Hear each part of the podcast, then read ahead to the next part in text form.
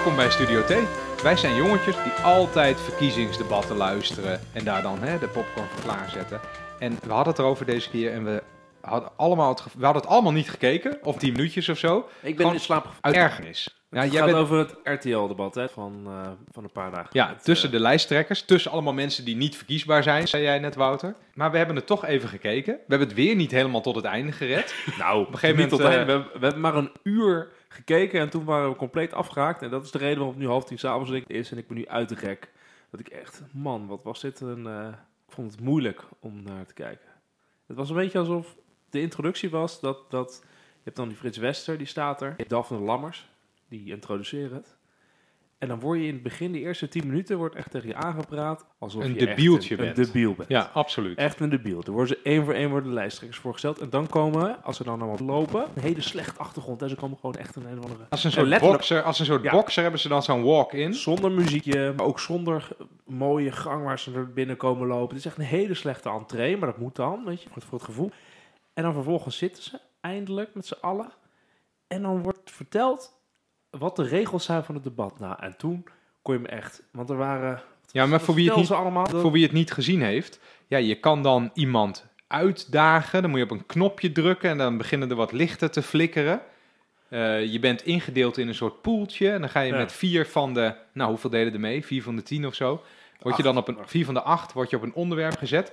Tijdens dat debatje kan dan ook weer iemand op een knopje drukken. Zoomer. Waardoor je, ja, op de zoomer, waardoor je iemand kan uitdagen. En er kunnen twee keer kan er iemand uitgedaagd worden, maar het moet dan wel op hetzelfde thema zijn. En dan zijn we met z'n allen, moet je op een knop drukken of je groen of rood bent voor of tegen de stelling. Nou, het was echt alsof je, alsof je naar Idols zat te kijken. Een Dat was Een eigenlijk het. kleuterklasje. Ren, ik denk dat mensen het al doorhebben dat we dus eh, samen naar het verkiezingsdebat hebben gekeken. eh, Ja, dat en zei, dat we dat zei dat even net. goed gaan Ja. bespreken. En waarom doen we dit nu? Waarom hebben we het nou Ik weet het niet meer, hierover? Wiemar. Ik weet het niet meer. Omdat, omdat, en dat zei Wouter wel goed. Wouter zei, ja, we zijn ooit een keer begonnen met de naam Studio Tegengif. Ja. Ja. Tegengif Goeie tegen naam. de gekte. Goeie naam, hè? Goeie naam. Goeie naam. Tegengif tegen, tegen de, de gekte en de rare dingen die je de hele week eh, eh, in Nederland over je heen ge- gestort krijgt. En zo'n verkiezingsdebat, ja, dit was echt, hier had je wel tegengif voor nodig als je dit echt Ik, weet twee je, uur lang hebt te zitten kijken. Ah, jij zegt altijd, Wouter, jij zegt altijd, ja, je vindt het nu kut, omdat je er nu meer van af weet. Ja, dat wij er te veel van af weten. Dus Ja, wij, wij maar zijn dat- geen normale mensen. Ik, ik, ik weet er meer vanaf dan toen ik 16 was. Maar ik weet niet of het, of het nou daarom eh, zo, zo waardeloos is. Want als ik mezelf dan in probeer te denken dat eh, een, een, een, een Wim Kok of een Lubbers hier tussen zou moeten staan. Tussen dit, in dit conceptje, en dan moet je op een knopje drukken en dan gaat er een lampje branden. En dan mag je in een format van drie minuten iets zeggen, dan word je afgekapt.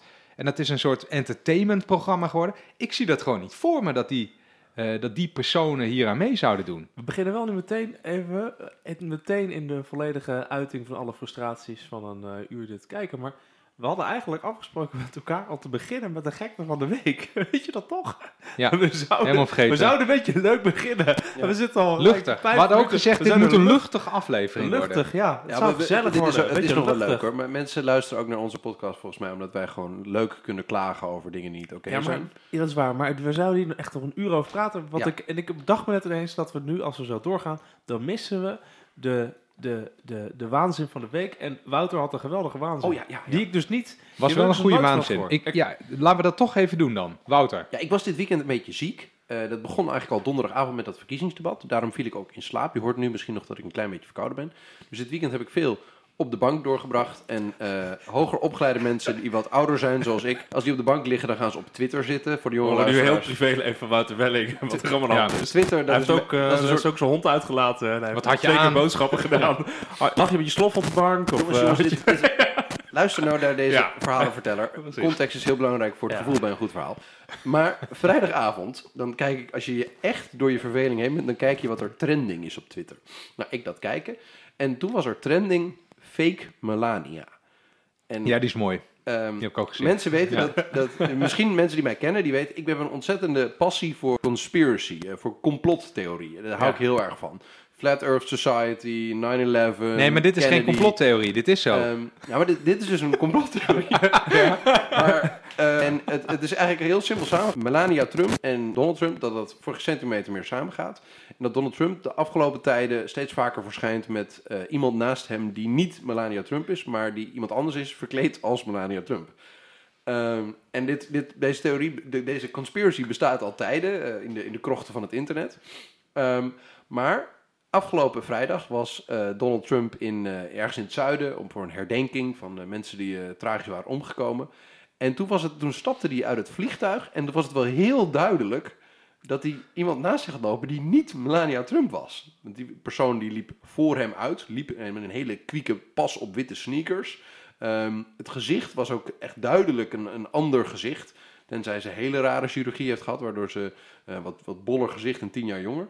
Maar ze deden wel echt alsof ze een stel Nee, waren. maar ook wel... Ja, ze stonden hand in hand. Ze stonden hand in hand. Dat doet Ja? zij trouwens de laatste tijd nooit meer. Dat was ook Nee. heel opvallend. En wel een lookalike. Ja, en dit is echt een conspiracy theory. Je kan je helemaal induiken. En het is, er zijn mensen die maar, le- maar leggen foto's van Melania over deze vrouw heen. En die laten dan het blurren en matchen het helemaal. En die, die menen gewoon biometrische bewijzen te hebben dat dit niet Melania was. Ja, maar je ziet het ook gewoon. Ze heeft ook gewoon andere lengte. Ja, is dus bewezen. dat de vrouw jaar dus met eh, Trump meeliep. Dat het niet Melania was, ze was fake. En het was, Maar wel een lookalike, nou? ja. Een lookalike, maar dan een slechte. En ze werkte bij de CIA of zo. Ja, vandaan? interessante is, eh, de, de, als je er echt goed induikt, kom je er dus ook nog eens achter Ja. dat er één vrouw is. Dat is een Secret Service agent Ja. die heel vaak met Melania meereist. En bij haar in de buurt staat, die ook nog eens 10 centimeter korter is. Dus dat is heel on- onhandig. Deze vrouw Ja. is een stuk kleiner dan Melania is. Ja, Eh, oké, maar als je je lookalikes ook moet selecteren uit de mensen die toevallig al voor je werken... Nou, dan, Ja, dat is ook eh, slecht eh, verhaal. Ja. eh, Ja.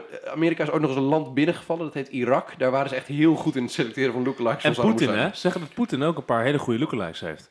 Maar Precies, dus het kan wel. het mooie is, dus, ze hebben dus eigenlijk wel eh, redelijk onomstotelijke bewijs dat de mevrouw eigenlijk de Secret Service dame is die altijd normaal Melania Trump verdedigde. En wat nog interessanter is aan deze conspiracy is dat er, er vanuit de, de Fox News White House clan, dat is een beetje één sector ongeveer, bijna niemand is die eh, ontkennend hier heel actief op reageert. Dat het fake nieuws en zo. Er, er, zit een he- er is een hele... Dus eh, iedereen weet gewoon dat dit waar is. ja, En, de- eh, maar anders- het wordt ja, niet anders gebracht. Staan dan echt een weekend alle kranten en alle Ja, social media Esquire en zo. Er zijn al steeds meer media in Amerika die dit nu aan het oppikken zijn als... Nou, het is toch wel heel waarschijnlijk dat dit niet Melania was. Ja, je komt- dat hier, dat hier een nep Maxima ineens meeloopt. En dan wordt ook een heel Nederland wordt gek. Zou- Toch, dan, dan eh, is Nederland toch nog steeds een intens normaal land. Vergeleken bij dit. Ja, en hier kom je er niet meer weg. Het is ook een te klein land. Iedereen lult zijn mond al voorbij. Ja, Ja, wat ik gisteren gezien heb achter de schermen. ja ik zag hem bij de bakker. Een hele andere. Ja, Nou, oké. Maar wat dit- leren we hier nou van? Nou, ik, wat, ik heel, wat mij heel interessant lijkt, is dat ehm, Donald Trump alles kan maken daar in de Verenigde Staten. Allerlei gekkigheid en zo. Nou, ja, we- je, het- de werkelijkheid is echt werkelijk gekker dan wat je kunt verzinnen. Maar dat hij misschien nu in de problemen gaat komen doordat eh, zijn vrouw boos op hem is. Ja, dat, vind ik, ze dat vinden- vind ik gewoon De ontzettend komisch. Amerikanen vinden goede, goede uh, Ja, als je je huwelijk, huwelijk verkloot, ze- dan heb je heel belangrijk. En het, het is natuurlijk al duidelijk dat hij dat verkloot heeft, want hij is met iedereen vreemd gegaan en met die, met die pornoactrice. Hij is met een pornoster. Terwijl zij zwanger was, hè, maar daar was Zonder zwanger. condoom. Zonder condoom. Zonder condoom. Ja, jij weet of Dat zijn kleine dus- dus details die wel belangrijk zijn, op hoor. zichzelf heeft hij toch- zijn huwelijk was het niet al te, eh, hoe noem je dat, eh, niet al te gevoelig voor. Hij heeft het niet heel goed verzorgd. Maar dit is dan, ja, dat zijn vrouw dan echt bij hem weggaat, dat is wel heel erg. Want het is dan echt wel de bedoeling dat de vrouw van de, van de, van de president, dat die wel altijd naast hem staat en hem altijd steunt. Dat is heel belangrijk. Dat is, gebeurt dus hier niet meer. Weet jullie nog, de, vorige impeachment-procedure bij een Amerikaanse president, dat was bij Bill Clinton. Het Eh, ging over de sigaar. Het ging over Lewinsky. inderdaad eh, Monica Lewinsky. Dus dat, ik vind het een prachtige aanstaande Ja, grap. sorry, maar wat, dat is toch ook wat ze die Clinton allemaal hebben aangedaan om één eh, blowjob. En wat Trump allemaal al heeft geflikt met die pornoster en al die Ja. f- grab hem bij de pussy verhalen. Dan is het, het morele verval binnen één generatie is al zo immens groot. Dat valt geen pas meer. Dan ben ik benieuwd waar we over twintig jaar staan. Ja, dan wordt het echt gek. Dan wordt, wordt echt wild. dat kan ik niet verzinnen. Oké jongens, dit, was, eh, dit- vond ik prachtig. Goed intermezzo Ja, in goed plaats van een intro. dat eh. fake ja, banaan, ja. Heb jij nog een bruggetje naar het verkiezingsdebat? Dit had ik niet eh, willen missen. Nee, ik, normaal ben ik wel van de slechte bruggetjes, maar... eh, ja, gooi er, eens, gooi er eens wat in. eh, maar. nee, nee, nee. Wil je nog over de klimaatmars hebben? Nee joh, gek. Nee man, laten we even bij dit debat blijven. Misschien komt ook wel een fake Jolante. Nu binnen de, de komende paar jaar. Om de relatie met Wesley een beetje te verdoezelen. Dat het toch nog goed gaat.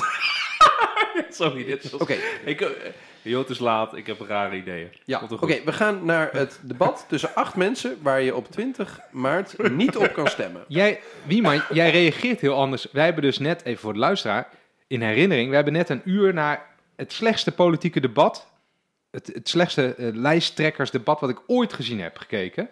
En jij wordt heel melig, maar ik word heel boos als ik dat Ja. zie. Ja, ik ben helemaal afgehaakt. Ik was er na vijf minuten. Ja, jij zei ook als eerste van, eh, Ja, ik ga- zet het uit, Ja, klik het weg. Ja, ik wil er nog door.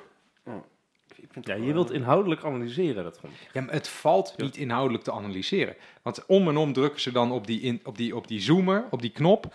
Dan, eh, dan, dan, eh, dan kramen ze wat one-liners uit tegen elkaar. Wat ge, ik ben heel erg fan van een goede one-liner hoor. Maar dan, dat zijn allemaal ingestudeerde teksten die totaal niet eh, tot de e- enige kern wat dan ook komen. Ja, dan is de tijd weer voorbij, want er is ook maar heel weinig tijd voor alles. En dan gaan we weer door. Ja, ik vraag me af, eh, ja, wat moet je hier ook mee als kiezer? Nou, wat ik denk is dat, eh, dat wat- heel ingewikkeld is aan de Nederlandse politiek, is dat we eigenlijk in een soort houtgreep zitten van iets waar iedereen van voelt dat het niet de goede kant op gaat. Aan de ene kant zijn al die eh, eh, bestaande verstandige partijen zijn heel boos op populisten die opkomen met, met kletsverhalen over wat er in de maatschappij mis zou zijn, die alleen maar heel leuk klinken, maar niet het werkelijke probleem aanspreken.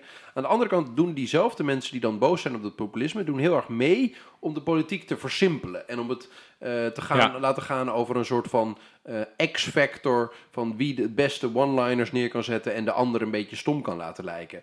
Eh, en, en daardoor is het eigenlijk een soort van hellend vlak richting het moet simpel zijn, het moet begrijpelijk zijn voor de gewone man, het moet aantrekkelijk zijn, het moet u boeien. Ehm, en dat overtuigt die gewone man er dan in mijn ogen vervolgens weer van dat het schijnbaar alleen maar gaat om hele simpele dingen en niet om dingen die er echt wezenlijk toe doen. Eh, dus het, is- ik, ik zie het als een soort van neerwaartse spiraal die, die je helemaal niet helpt om het gevoel te krijgen van joh, dit gaat ergens over. Want ze zitten elkaar een beetje vliegen af te vangen en een beetje te bekvechten met ingestudeerde one-liners. Ehm, en ik denk dat de meeste mensen er uiteindelijk ook wel doorheen prikken. En het gevoel hebben van joh, dit gaat helemaal niet over wat er in mijn leven aan de hand is joh. Ja, we zeiden ook, ehm, alle drie zeiden op een bepaald moment, dit is een soort veredeld studentendebat. Ja, het leek een Ja, beetje op een dispuut. Ja, ja eh, dat komt ook natuurlijk omdat het hele nou, relatief jonge eh, fractievoorzitters waren. Ja, maar ook echt wel eh, door het niveau hoor. Ja? Ja, vind je niet? Ja, ik, ik, ik vond het inderdaad... Maar het komt ook omdat het dan allemaal heel simpel eh, moet. Het moet heel snel. En de, de bandlijnen zijn ingestudeerd. En, eh, Ja, en heel veel, eh, hoe zeg je dat, gevatte grapjes. En dan moet ik zeggen dat ook eh, Klaas Dijkhoff, die heeft heel veel eh, gevatte grapjes. Is ook echt lollig. Ja. Echt waar. Het is hartstikke leuk. Maar ja, ehm, ja, op een gegeven moment heb je ook wel genoeg eh, grappen gehoord bij zo'n debat. Het is, het, is, het is te belangrijk geworden dat je, dat je iets heel lolligs zegt op zo'n moment. En het is allemaal uit, uitwijkend, hè? Dus je krijgt kritiek en dan kom je met een soort hele goede grap. Ja, Ik vond het best wel somber. Dat, Dijkhoff werd achteraf door de meeste kijkers eh, bestempeld als de, de beste eh debater. En in alle één-op-één debatten, in alle debatten over een thema waar hij meedeed. Er waren vier debatten over een thema. Het ging dus over, over klimaat, het ging over de publieke sector, het ging over eh, tradities en het ging over migratie. In al die debatten ehm, nam Dijkhoff een soort houding aan van... Jullie, jullie gaan heel hard klagen. Ik zeg dat wat jullie zeggen eigenlijk niet zo belangrijk is. Dan maak ik een mooi grappie en dan eh, ben ik populair. Ja, hij deed dat heel slim, want hij, hij zei, hij nam de houding aan. Ja, natuurlijk, als dat goed voor Nederland is, dat moeten dan moeten we dat doen. Maar u bent gefixeerd op, eh, op, op, op belastingen voor bedrijven. Ik ben daar niet op gefixeerd, ik doe gewoon wat verstandig is. Ja, Ja. En het gekke was dat, dat daarmee toch hij de, de, de populairste werd. Dus hij deed eigenlijk van, ja, jullie, jullie maken je allemaal heel druk, maar, maar, maar maak je gewoon niet zo druk. Goed. Hij deed het goed en hij trok ook... iedereen eh, ging op hem af. Hij was duidelijk degene die aangevallen werd vanaf het moment één. Hè? Want Wilders die begon met het grapje... Ik wil graag een debat met de heer Rutte. Oh, die is er niet. Oh, die heeft zijn assistent gestuurd. De heer Dijkhoff. Vanaf dat moment was het alle ballen op Dijkhoff. Iedereen eh, wilde op hem. Natuurlijk ook eh nou, Lilian Marijnissen natuurlijk. eh, ook Ja. Het Moet ook Maar ze krijgen hem niet te pakken. Nee. Uiteindelijk lukt het, met name linkse partijen, maar ook dus hè, PVV, lukt het niet om de vinger echt te leggen op de schade die de VVD heeft aangericht. In bijvoorbeeld de publieke sector, een van de onderwerpen. Ja, klopt. waar ze het over hebben gehad.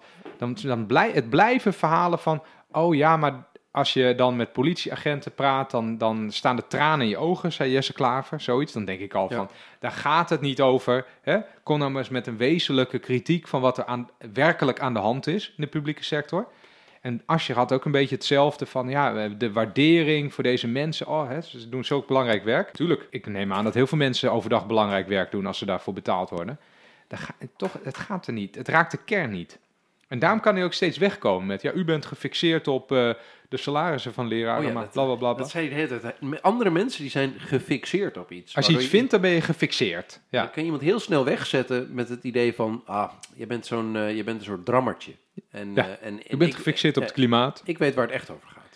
Een van de stellingen was Ja. ook, Nederland moet voorop lopen bij klimaatbeleid of zoiets. En toen zei de Dijkhoff, ja maar weet je, als een ander land dan voorop loopt, maakt mij niet uit. Nee, Dat, is toch een belachelijke dat. opmerking. Hij deed dat, maar hij doet dat wel. Ja. Thierry Baudet had ook een aantal van die trucjes. De, ik vond de, de interessantste truc, vond ik dat hij dan zei van... Ja, ik ben heel erg voor milieu. Ik ben voor eh, bossen, schoon water en voor dieren, allemaal heel erg goed. Maar voor milieu zijn, dat is echt heel wat anders dan die klimaatgekte die jullie allemaal doen... waar geen enkel bewijs voor is. Ja, en met de. EU doet hij hetzelfde. En met de EU, precies zelf. Zei van, ik ben heel erg voor Europa. Ik ben voor onze tradities. Ik ben voor samenwerking. Ik ben voor handel in Europa. Maar ik ben tegen de Europese Unie. Wat mij dan opvalt in dat format wat gekozen is, een soort eh, The Voice of Holland-achtig format, lukt het eh, andere partijen niet om door die trucjes heen te prikken. Daar is Nee. steeds de tijd niet voor. Nee, maar dat is ook klopt. Dat heeft ook met het format te maken. En je, dacht, je zag hier ook heel duidelijk dat de, zeg maar de, de jongere fractievoorzitters, ehm, die, die, de, daar, ging het, daar was het een beetje natuurlijk voor. Het was, een- hè, het was een snel debat met een, een bepaalde plekken waar je moest staan en one-nights. Maar je zag echt Ja. ook, ook een generatieverschil. Want er waren drie oudere politici.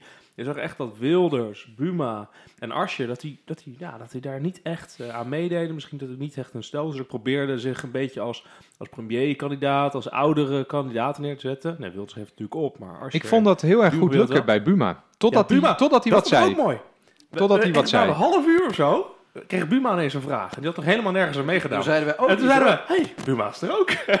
En dat wekte bij mij ook. meteen heel veel vertrouwen. Ja. Als, als een soort vader die aan de zijkant zit en die En denkt, oh, al die domme kinderen, Ja, die, eh, laat ze maar even. Ja, dat Ja. kwam omdat er daarvoor was er een debat met eh, eh, Jetten, eh, Baudet, eh, eh, wat is het, Klaver en eh, Dijkhoff. Dus ja, je had, het dispuut was eh, uitgesproken en toen kwam de, de, de reunist of senior, die kwam even uitleggen hoe de boel in elkaar stak, eh, Buma. Dat wekte bij mij heel veel vertrouwen.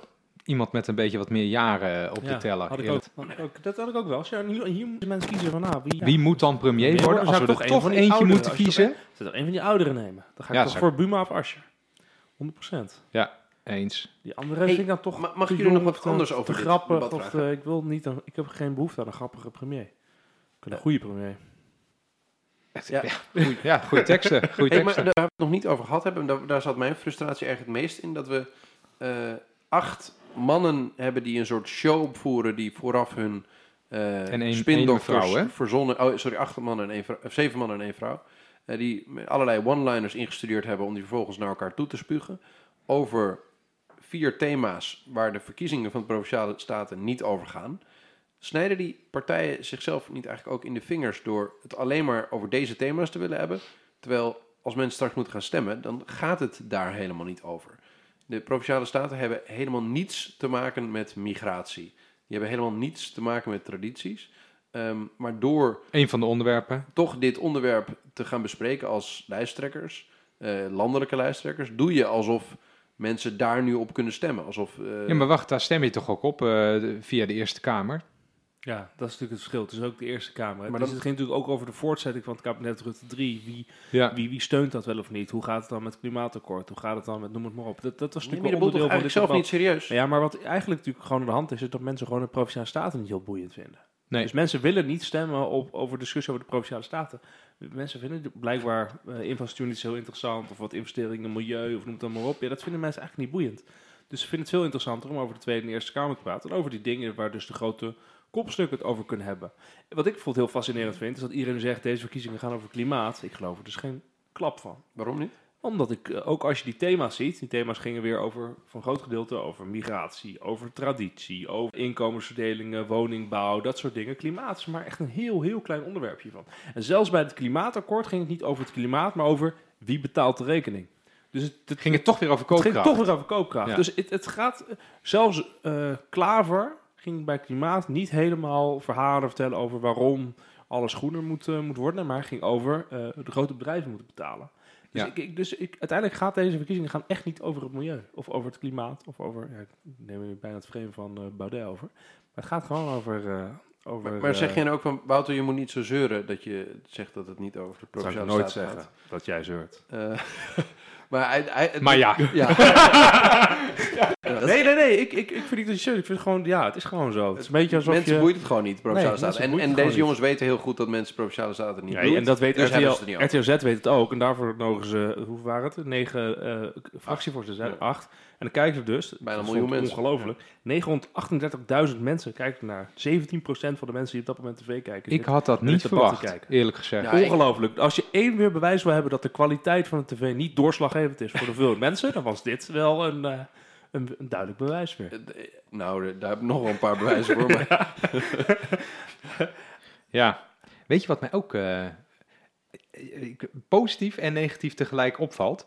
Ehm, je merkt dus dat de verkiezingen aankomen omdat er opeens allemaal super verstandige dingen worden gezegd door politici. Je hebt Hugo de Jonge die zegt de marktwerking in de zorg is doorgeslagen. Je hebt de ChristenUnie die zegt, hey, moeten we op de woningmarkt niet eens een keer de belangen van eh, mensen die willen wonen voor eh, die van beleggers eh, stellen? Joh. D66 die heeft een soortgelijk standpunt ingenomen op hun congres over eh, de verhuurderheffing die nu op sociale huurwoningen wordt eh, geheven. Ja, de, de, de rente voor studieleningen, die hoge, hoge rente Ja. voor studieleningen, moet ook ineens weg. Allemaal verstandige D66 opmerkingen. Opeens. ineens de oppositie uit tot samenwerking. Dat Ja. zijn van die mooie termen. Dat ik ineens denk, De hey, oppositie is eh, twee jaar lang volkomen genegeerd, maar een week voor de verkiezingen krijgen ze opeens een uitgestoken. Nee, hand. niet uitgestoken hand. Ze worden uitgedaagd om, links om te gaan... eh ja, linkse oppositie wordt uitgedaagd om mee te doen. Dus Maar dat is, Eh. als, ik dat, als ik dat allemaal hoor, Ja. eh, en vooral de, de ChristenUnie had op het, op het vlak van wonen echt allemaal fantastisch. Het is een heel pakket. Allemaal goede ideeën. Ja. Maar daar zeggen ze dan bij. Ja, maar we gaan niet het eh, regeerakkoord openbreken. ja. Dat, Dus eh, het maakt niet uit als je nu op ons stemt. Want de Eerste Kamer gaat over het wel of niet door laten gaan van de huidige Rutte 3-coalitie. Ehm maakt niet uit dat je op ons stemt, want ja, we gaan toch nu niks veranderen. Nee, We hebben een heel mooi pakket, maar we doen er niks mee. maar dat- Overigens, we hadden een uitzending over de woningmarkt. Toen hebben we een paar keer gezegd, we moeten niet meer over de woningmarkt hebben, maar over volkshuisvesting. ja, Dat zit er goed in. dat zit erin. En dat, zit zei erin. GroenLinks ook. Ja. Eh, en er waren nog een paar partijen die dat, eh, die dat zeiden. ChristenUnie is misschien wel een vriend van deze podcast. Ik denk wel. Ja, groetjes Pieter eh, Gert-Jan. luistert. Bedankt dat je luistert. Hey, maar Randy, wat jij net zegt over dat dus er voorkomen verkiezingen aan en op geen, opeens beginnen partijen verstandige dingen te Nee, doen. maar daar wil ik een punt over maken. Als je het, eh, als je het niet erg vindt. Ja. Maar eh, het, ik vind dat het kan toch niet dat allemaal regeringspartijen nu opeens zeggen: ja, dat beleid, eh, dat is eigenlijk helemaal niet goed. Maar dat gaan we dan een volgende kabinetsperiode wel veranderen. Terwijl je nu regeert. Dan verlies je toch al je geloofwaardigheid. Hoe ga je dat beleid dan in, nu nog in de Kamer verdedigen? Ja, maar ze moeten toch steun hebben in de Eerste Kamer straks. Dus straks moeten ze wel gaan bewegen. Als ze door willen? Dus jij zegt ze gaan op deze punten, gaan ze na, na deze verkiezingen meteen al bewegen. Nou ja, ze willen, willen toch van GroenLinks of van de Partij van de Arbeid of van dat soort eh, partijen willen ze toch eh steun in de Eerste Kamer. Ja. Als ze nog iets van met wetten willen, Ja. ja. dan moeten ze die wel gaan Ja, bewegen. en mijn vermoeden is ook dat er onder water ook wel een beetje vrees is dat het toch niet gaat lukken om de Eerste Kamer te behouden binnen de coalitie. Dus ze moeten wel nu hele redelijke dingen gaan zeggen tegen de, mensen, de partijen die misschien eh, tegenover hun eigen redelijkheid niet kunnen verdragen om niet mee te helpen. Ja. Ehm, want ze staan op, eh, op minder dan een derde van de zetels. Eh, eh, ze zouden, als er nu verkiezingen zouden zijn, zouden ze in de Eerste Kamer tussen de 25 en 30 zetels halen. Eh, Hoeveel heb je er nodig? 40. 75. 75, ja. Ja, 75 In de eerste. ja. Oh, de helft van 75. Ja. Ja. ja. Dus ze zouden rond de 30 komen nu, dus dat is eh eh, kansloze zaak. Ja, dus we gaan, ik gaf eigenlijk een fout antwoord op jouw vraag, maar ik bedoel te zeggen, je hebt de helft van 75. Ja, nee, dat snap ik. Ja. en, en toch snap ik, eh, snap ik wel dat de Nederlandse kiezer eh, partijen niet meer serieus kan nemen die dan net twee jaar het ene hebben verkondigd en dan nu een week voor de verkiezingen iets anders gaan verkondigen. Eh, omdat, dat, eh, Nou, wat, omdat het, de het- het realiteit kan je niet ook wel veranderd is. Het, het lijkt een beetje op. eh, er is ooit een, een hele verstandige jongen die is gepromoveerd op een boekje. Dat gaat over wat partijen voor de verkiezingen allemaal roepen. En dan vervolgens vergelijkt hij het met wat ze daarna om een regeerakkoorden zetten. Wat ze daadwerkelijk doen. Ehm, en wat, wat mooi is, dat je dat fenomeen hier nu weer volledig terug ziet komen. Dat, dat al die partijen, die zijn eigenlijk op zoek naar de normale Nederlander. Naar de gewone Nederlander, naar de hardwerkende Nederlander. Naar de Nederlander die gewoon zijn leven wil leiden in vrijheid en, eh, en zijn koopkracht een beetje wil zien stijgen. En die wil misschien wel prima een beetje mee wil helpen aan die transitie richting een duurzame samenleving. Daar zijn ze allemaal naar op zoek. En wat, wat je ziet is dus dat alle eh, extremistische of in ieder geval een beetje gekke partijen, die worden iets normaler. Die gaan doen alsof ze ook gewoon voor de normaal zijn. In het kabinet zetten, die worden iets redelijker en gaan een klein beetje zich profileren ten opzichte van hun eigen standpunten. eh, en niet alleen maar meer het kabinetsbeleid steunen. Ehm, dus iedereen gaat eigenlijk lieve dingen roepen voor hele grote groepen mensen. Eh, en ja, wat, wat ik interessant vind, is dat er ehm, schijnbaar dat die partijen het nog voor zichzelf klaar kunnen krijgen om dat geloofwaardig te gaan doen. Ja, ja, ik vind dat niet geloofwaardig hoor. Nogmaals. Het is ook niet geloofwaardig. Want dat is dus het grappige. Of nou, van- grappig is gewoon. Het, echt het fascinerende. Als je nu naar de peilingen kijkt. Afgelopen weekend weer natuurlijk Maries de Hond. Ja, Het is ongelooflijk Ik hoe pak het er even bij. versplinterd het Nederlandse politieke landschap is. En eh Maries de Hond zegt ook van, er heeft nog nooit... Dit lijkt op de verkiezingen van 2002, die er nu eh, aan zitten te komen in De, 2019. de, de LPF. eh, De LPF. eh, dus, ja want waarom dan? Hij zegt van, kiezers zijn totaal niet meer trouw. Dus kiezers zijn op drift, die kunnen zo eh, bij partijen weg. Dus bij het CDA weg, bij VVD weg, bij D66 weg, bij 50PLUS weg. Hij heeft een hele reeks van partijen. En hij zegt, eh Forum voor Democratie en de PVV, ja, dat, dat zijn nog steeds clubs waar mensen heen gaan. En nou, kijk, er is ook wel, eh, zijn kleinere clubjes, als Partij voor de Dieren en Denk, die zijn ook behoorlijk aan het groeien. Volgens mij, ehm, de, je hebt nog nooit zo'n enorm versplinterd politiek landschap gezien, in ieder geval de peilingen, eh, als nu. Ik Dat zal eh, de peiling even voorlezen van eh, de geëerde Al die opiniepeiler Maurice de Hond. Nou ja, even een, hoe zeg je dat? Een kleine bloemlezing. De grootste partij, 23 zetels, de VVD. Op nummer 2 Forum voor Democratie, 19 zetels. Dan komt GroenLinks, 18, PVV, 15, Partij van de Arbeid, 13, SP, 11, CDA, 9. We hebben het over premier Buma, terwijl het CDA op 9 zetels in de peilingen staat. Hè. Dat is ook opmerkelijk eigenlijk. En dan heb je D66 met 9 zetels. Partij voor de Dieren met 8. Nou, en dan de rest. Het gekke is dus dat wij ook aanvoelen, doordat wij het wel hebben over premier Buma, als hij daar in een eh, RTL-debat zit, dat die negen zetels waar we nu op staan, dat dat binnen drie weken helemaal omgedraaid kan zijn. Ja, maar dan nu nog eh, negen dagen. hè? Ja. Het is dus, dus het. eh, kijk, de eerste. Uh, Ja, ja, nee, gewoon dit gaat nu niet helemaal Dit worden dus historische verkiezingen. Dit wordt een, echt letterlijk een historische verkiezingsuitslag. Je hebt, je hebt nog nooit eerder gezien dat partijen zo enorm versplinterd zijn als nu. Een totale versplintering. Het is ja. totale versplintering. En dat gaan we pas doorhebben de volgende ochtend, zeg maar, op die donderdag. En dan gaan we de kranten erover schrijven. Maar dit wordt gewoon, dit is historisch. Maar wij, jij zegt het nu al. Zeker. Ik moet nog meer dingen herhalen die maar ik is eerder dat- heb gezegd, die ook nog waar kunnen worden. Is dat... Bob eh, Hoekstra gaat nog steeds premier worden. Dat hebben we al eerder gezegd. nee, maar even... even die, ik denk het ook. Even die versplintering. Is dat nou goed of is dat nou slecht? Het is goed. Het is goed eh, omdat eh, mensen nu dus zelf echt kiezen. Dus niet meer vastzitten zoals vroeger aan bepaalde partijen. Dus ze denken zelf na. Misschien door hoger opleidingsniveau. Misschien omdat er minder, eh, minder kerkelijke invloeden zijn. Waarschijnlijk omdat ze wat invalisten zijn. Waarschijnlijk ook door eh, informatie, digitalisering. Dus ik vind het goed. Het is gewoon, ik, het is gewoon eh, emancipatie of zelfkiezen. Ik vind het goed vanuit 1995... democratisch oogpunt. Maar ik vind het slecht vanuit politiek bestuurlijk oogpunt. Want politiek bestuurlijk wordt natuurlijk een drama. Als je met zoveel partijen straks regeringen moet gaan maken. De volgende, stel je voor Rutte 3 valt. En je moet straks een kabinet maken. Wat dus in de Tweede Kamer, maar ook in de Eerste Kamer een meerderheid heeft. Dat is vrijwel Ja. onmogelijk. Nee, dat gaat niet Dat kan je alleen maar met de Forum in de Tweede Kamer wordt al eh doen. Ja, de wordt Tweede al Kamer wordt heftig. En dan in de Eerste Kamer nog een meerderheid krijgen. Dat is bijna onmogelijk. Nou, wat, ik, wat jij net zegt, Humor, is wel interessant. Je zegt, politiek bestuurlijk wordt dat dus heel ingewikkeld. En misschien is deze ontwikkeling wel een soort van... Nou, eh, eh, dat de kiezer echt is gaan kiezen. En dat, dat al die middenpartijen die er vroeger gewoon vanuit konden gaan... dat ze een soort stabiele basis hadden van 10, 15 zetels... dat, dat mensen daar nu weglopen, omdat iedereen voor zichzelf is gaan kiezen. Ja, maar En iedereen dat is ze voor dat ook zichzelf heel aan het kiezen. vaak maar doen. Dat ben ik met je eens. Dus iedereen is voor zichzelf aan het kiezen. Alleen omdat er zoveel... ehm omdat er kleinere partijen komen. En steeds meer partijen. Elke keer met een eigen identiteit. Hè. Dan zeg maar op islam gebaseerd. Dan op de dieren gebaseerd. Dan op de ouderen gebaseerd. Dan op... Noem het Heel op. specifiek. Heel specifiek. krijg steeds kleinere partijen. Er moeten steeds meer partijen met elkaar samenwerken. Dus zeg maar het beleid wat je krijgt vanuit de regering wordt juist steeds grijzer. ja.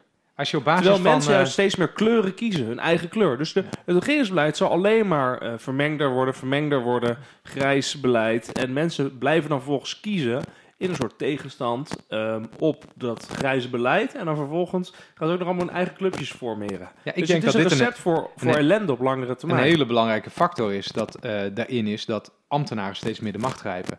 ja, als jij als partij met tien zeteltjes opeens mag je regeren, dan krijg je een, een ministerie wat misschien niet helemaal aansluit bij de kennis die binnen zo'n partij bestaat. Ja, wat moet je dan? Hey, ik heb net even opgeteld op basis van die laatste peiling, als je dan een meerderheid in de Tweede Kamer Ja. Zou willen eh, formeren, dan heb je vijf partijen nodig. En dan eh, heb je een regering met VVD, Forum voor Democratie, GroenLinks, PVV en Partij van de Arbeid Nee, dat gaat niet gebeuren. niet gebeuren, inderdaad. En als je dan met, met partijen die ook nog een beetje elkaar kunnen luchten of zien, een regering zou moeten maken, dan kijk je zo aan tegen acht of negen partijen Wat- voor een meerderheid. Ik heb wel een andere theorie. Ik denk dat het wat, wat goed zou kunnen, is dat er nu dat een soort harmonica-effect eh, effect bezig is. Dat er nu eerst een soort versplintering van het landschap is. eh, omdat mensen eigenlijk ontevreden zijn met de partijen waar ze twintig jaar lang op gestemd hebben. Dat eh 10, 15 jaar geleden daar de eerste signalen van waren. Eh, maar dat nu de, de, de oude traditionele partijverbanden echt aan het instorten zijn. Eh, en dat die, omdat die partijen te lui zijn geworden en niet meer eh, eh, ja, kunnen aansluiten bij waar mensen zich echt druk om maken, maar meer bestaan omdat er nou eenmaal zoveel mensen lid van zijn. En dat, dat zijn er niet zo heel veel meer. Ze bestaan omdat ze bestonden. Ja, ze bestaan omdat ze inderdaad bestonden. Ze zijn een middel geworden, aansluitend bij een soort ideologie, maar ze sluiten al lang niet meer aan bij de ideologie die mensen hebben. En eh, ik denk dat dat dus nu versplintert, maar dat zich daarna weer een soort van samenklonterende beweging gaat vormen, omdat de boel vrij onbestuurbaar wordt met Hij bedoelt tientallen van die. bedoelt gewoon ze- politieke partijen gaan daarna uit, uit nood gaan fuseren met elkaar, Ja. omdat ze besluiten misschien is een sterke partij toch wel handig om de boel te gaan besturen en goede mensen te selecteren om vertegenwoordigende posities in te vullen. historisch gezien heb je natuurlijk gewoon gelijk. Het gebeurt vaker. Dat de Het CDA was ook ooit ja. een, eh, een groep partijen die dacht GroenLinks van... ook eh, een ja, zo'n fusiepartij. maar op. Eh, in de jaren zeventig is de boel ook helemaal eh, eh, versplinterd geweest in, in kleinere partijen. Wel, wel minder erg dan nu. Eh, maar ik denk dat het echt wel best wel Nee, zou ik kunnen. ben het met je eens. Ik, ik denk dus dat het echt, echt een historische uitslag wordt. En dat dus echt politieke kopstukken gaan nadenken over... oké, hoe komen we hier uit? En dat is ook... eh, Het enige lastige is alleen dat de, de lijsttrekkers van de partijen... de aanvoerders van partijen zijn allemaal relatief jong. Dus die zullen niet snel eh, gaan fuseren. Die zitten allemaal aan het begin van hun carrière. En Nee, ja, want fuseren, dan verliezen ze hun positie. als GroenLinks en D66 gaan fuseren, Ja, wie wordt, wie wordt er dan de chef? Dus je hebt alleen eigenlijk eh, de oudere partijen met oudere partijleiders, die zouden misschien eventueel kunnen fuseren. Tenminste, dat is, dat is het makkelijkst. Het CDA met de PvdA.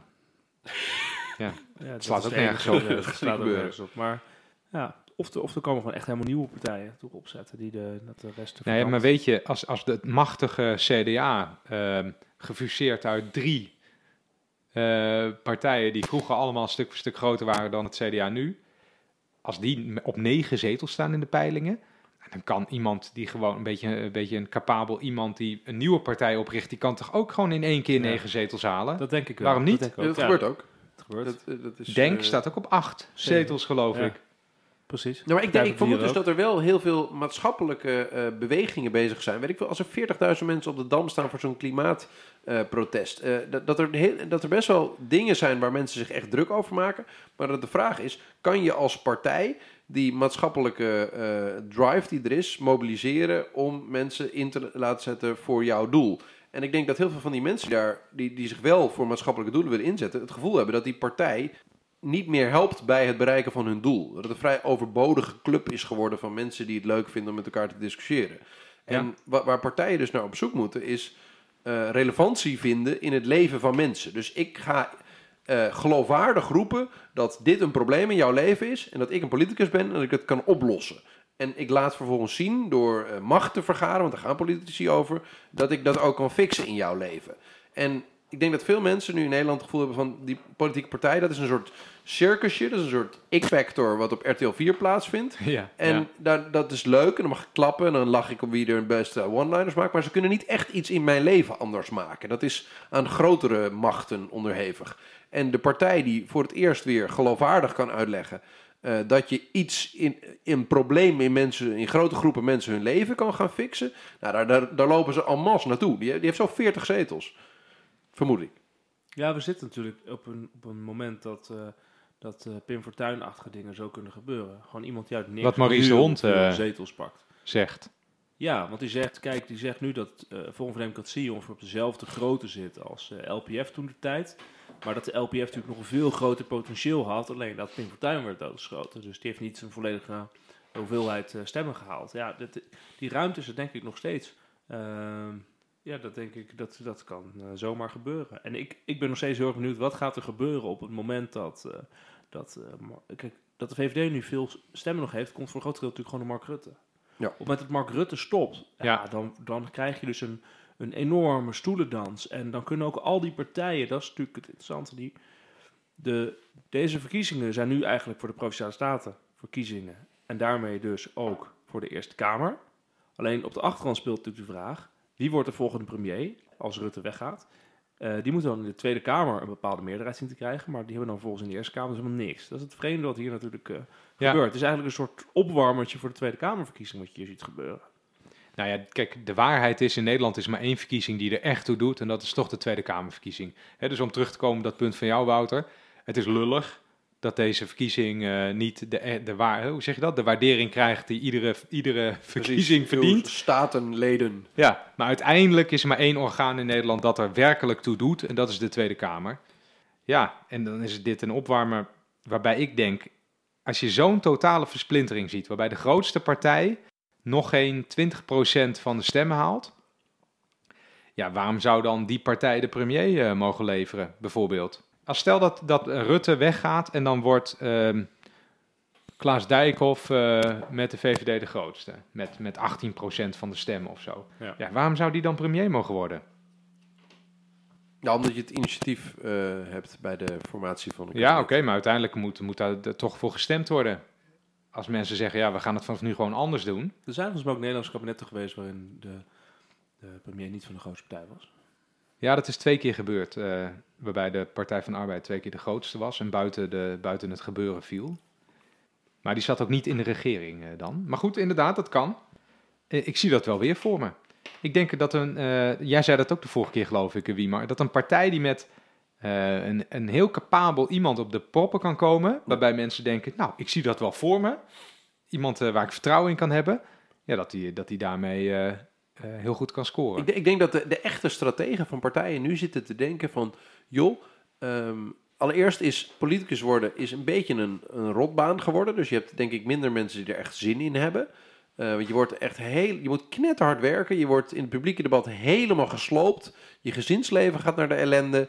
Matig salaris. eh, eh, en eh, daarna is het ook maar... Matig salaris, ja? Nou, je, als, je, als je ziet voor hoe competente mensen je wil hebben. Ja, Eh, en iedereen klaagt in de media over dat je te veel te verdient en dat je een graaier bent. Eh, maar wat, wat ik denk, is dat de strategen zitten te denken van... Nou, laat dit slagveld eerst maar eens plaatsvinden. Eh, laat, laat er, weet ik veel, dan, dan blijven er 15 partijen met 10 zetels over. Ehm, en dan komt het moment dat, er, dat ze eh, op zoek gaan naar de, de pareltjes die de volgende premier zouden kunnen worden. Dat er, dat, dat weet ik veel, twee of drie partijen die zijn iemand aan het klaarstomen die eh, eh, premierwaardig zou kunnen zijn. Eh, en, en, en dan moet je er staan. En ja, er zijn een paar die, die nu duidelijk gepositioneerd worden. Klaver willen ze daarvoor eh, positioneren. eh, Baudet ziet zichzelf zo. om om, na dit slagveld zichzelf dan neer te zetten van... nou, ik kan de rotzooi wel opruimen. Ik ben eh, premierwaardig. Laten er maar nieuwe, echte nieuwe verkiezingen komen. Mag ik, ik heb het even opgezocht. ja. Want ik zat te twijfelen net aan de uitspraak van premiers die niet uit de grootste partij komen. En het is inderdaad zo, ik, dat is gewoon een goed feitje, dat ehm, na 1970 kwam de premier in 1971, 1977 en 1982 niet uit de grootste partij. Namelijk de PvdA was dan het grootste, de partijen best zelfs buiten de toen gevormde kabinetten. Maar er zijn ook kabinetten geweest waarin de premier ehm, uit een partij kwam die niet de grootste was in de regering zelf. Ja, in 1950 of zo. Ja, nou bijvoorbeeld eh, Drees. Ja. De KVP dan de PvdA. Zelstra. De KVP dan de ARP. En zelfs eh, nog Biesheuvel.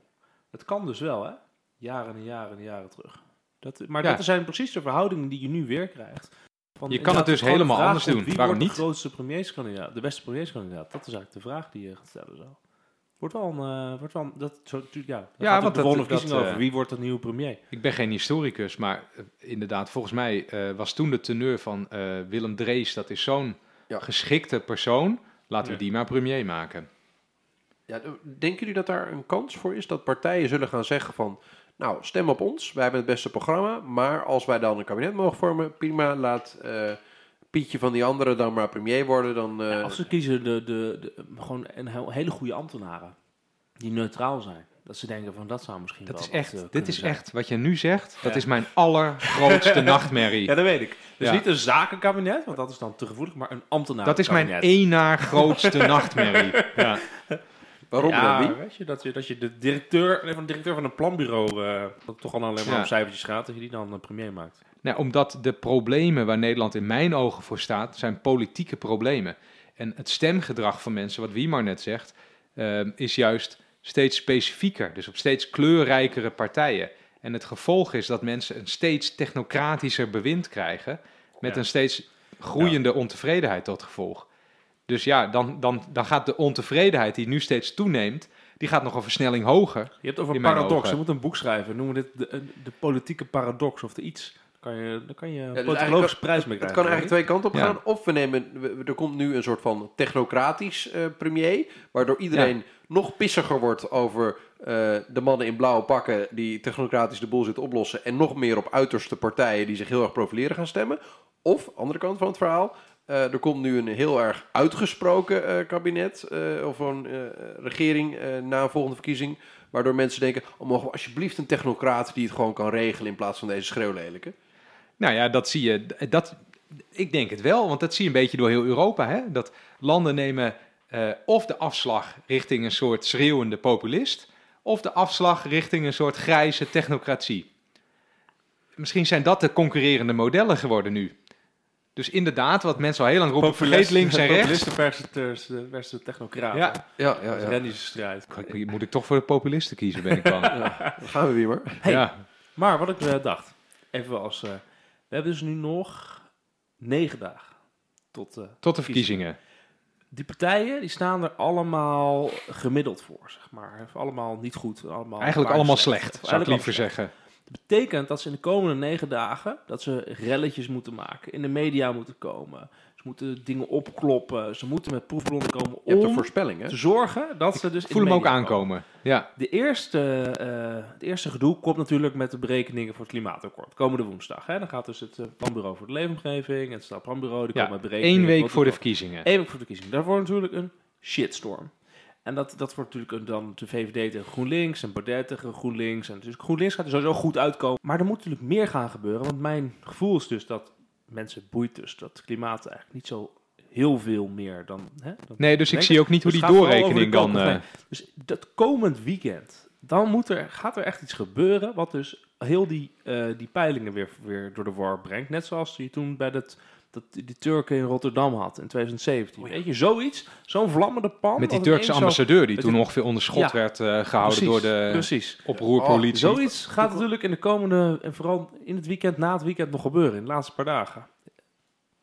Ja, nee, maar kijk, eh, dat is al een beetje gebeurd. Eh, het kabinet heeft KLM gekocht eh, voor bijna een miljard om een, om een mooi punt te maken bij de verkiezingen. Ja. Dat was een hele dure verkiezingsflyer. Ik denk dat dat het was. Ik denk dat ze gehoopt hebben dat ze daarmee eh, binnen zouden slepen. Ik denk niet dat er dit weekend nog, eh, een, nog een haas uit de... Of een konijn, hè? Konijn. Een papegaai uit de hoek Ja. komt. Ik, Ja, maar er moet nog een rel komen waar, waar de partij op moet reageren. Nee man, jij, ja, je bent veel te sensatiezuchtig man. bent- er gebeurt ja. niks meer. Ik Het blijft gewoon... eh, over. Wanneer doen we de volgende podcast? Twee, drie weken. Ik spreek Ja, of twee dan. weken, ja. ja. Nee, ik, ik, denk, Ja. ik denk ook dat, het, eh, dat je het bijna niet kan maken om nu in dit weekend, waardoor de maandag eh, de kranten vol staan, met iets te komen. Ehm, de- het moet een toevalligheid zijn. Ja, Als er oké, nu iets maar gepland prima, wordt, hè. dan- Je- Het gaat me niet zozeer over dat... Ik bedoel, dat, dat, die, dat... Het kan natuurlijk een gebeurtenis van buiten zijn... waar de, waar de politici op moeten reageren. En degene die dan te heftig reageert... Die pakt Dit prikkelt wel heel erg mijn fantasie. Wat Ja. kan er in godsnaam gebeuren dat de boel nog over, overhoop gaat gooien? Brexit duurt te lang. eh, Brexit, Italië kan helemaal uit de hand lopen. Eh, voor de rest, ja, dat, ik denk toch echt dat, eh, dat... Ik ben het trouwens niet met jullie eens. Jullie zeggen de hele tijd dat klimaat mensen niet zo bezighoudt. Eh ik, ik vermoed dat, dat, eh, dat de doorrekening van het klimaatakkoord... dat daar partijen, eh, in ieder geval die het belangrijk vinden... zo hard over op de trom gaan slaan... dat de partijen die dit akkoord gesloten hebben... het niet zullen kunnen gaan negeren. Eh, en dat dat, dat Ja. dus wel de media zal gaan eh, domineren... omdat er weinig andere dingen Ja, dat kunnen domineren. Dat ben ik met je eens. Maar het gaat dan over de vraag...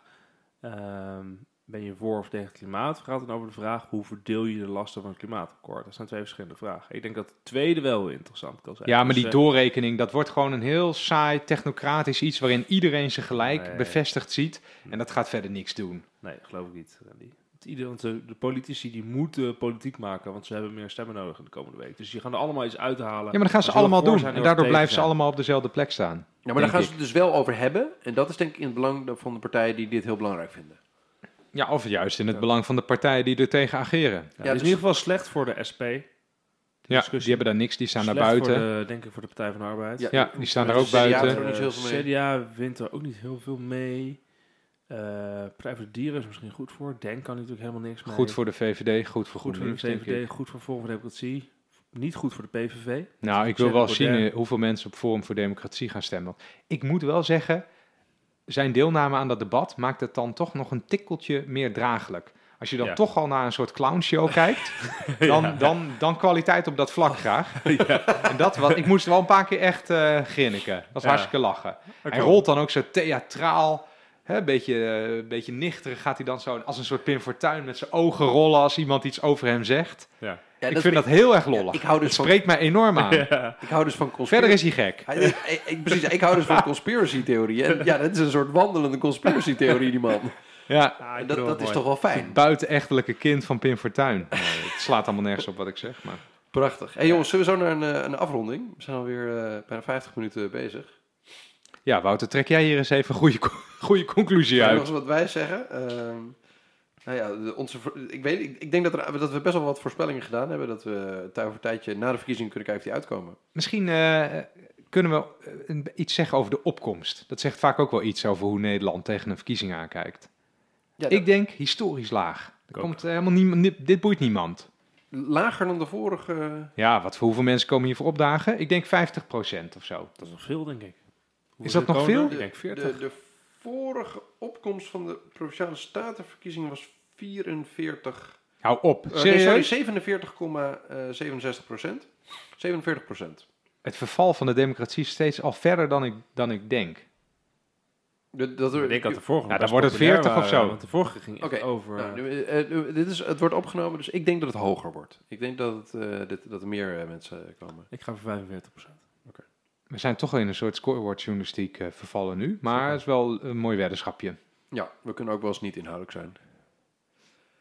Hey, leuk. Ehm, eh, dat was hem volgens mij, of niet? Ja? Hou ons wel op de hoogte van eh, de fake Melania eh, gebeurtenis. Ja, Fake Melania blijft bij jullie. En doe even een linkje in de show notes over fake Melania. Wie Dat trouwens wel belangrijk. co- leuke conspiracy theorieën heeft, en dan hou ik mij van harte aanbevolen. Vond het eigenlijk ook Ja. het hoogtepunt van deze uitzending. Dankjewel. Oké, Dat is goed een fake komen. dank voor het luisteren.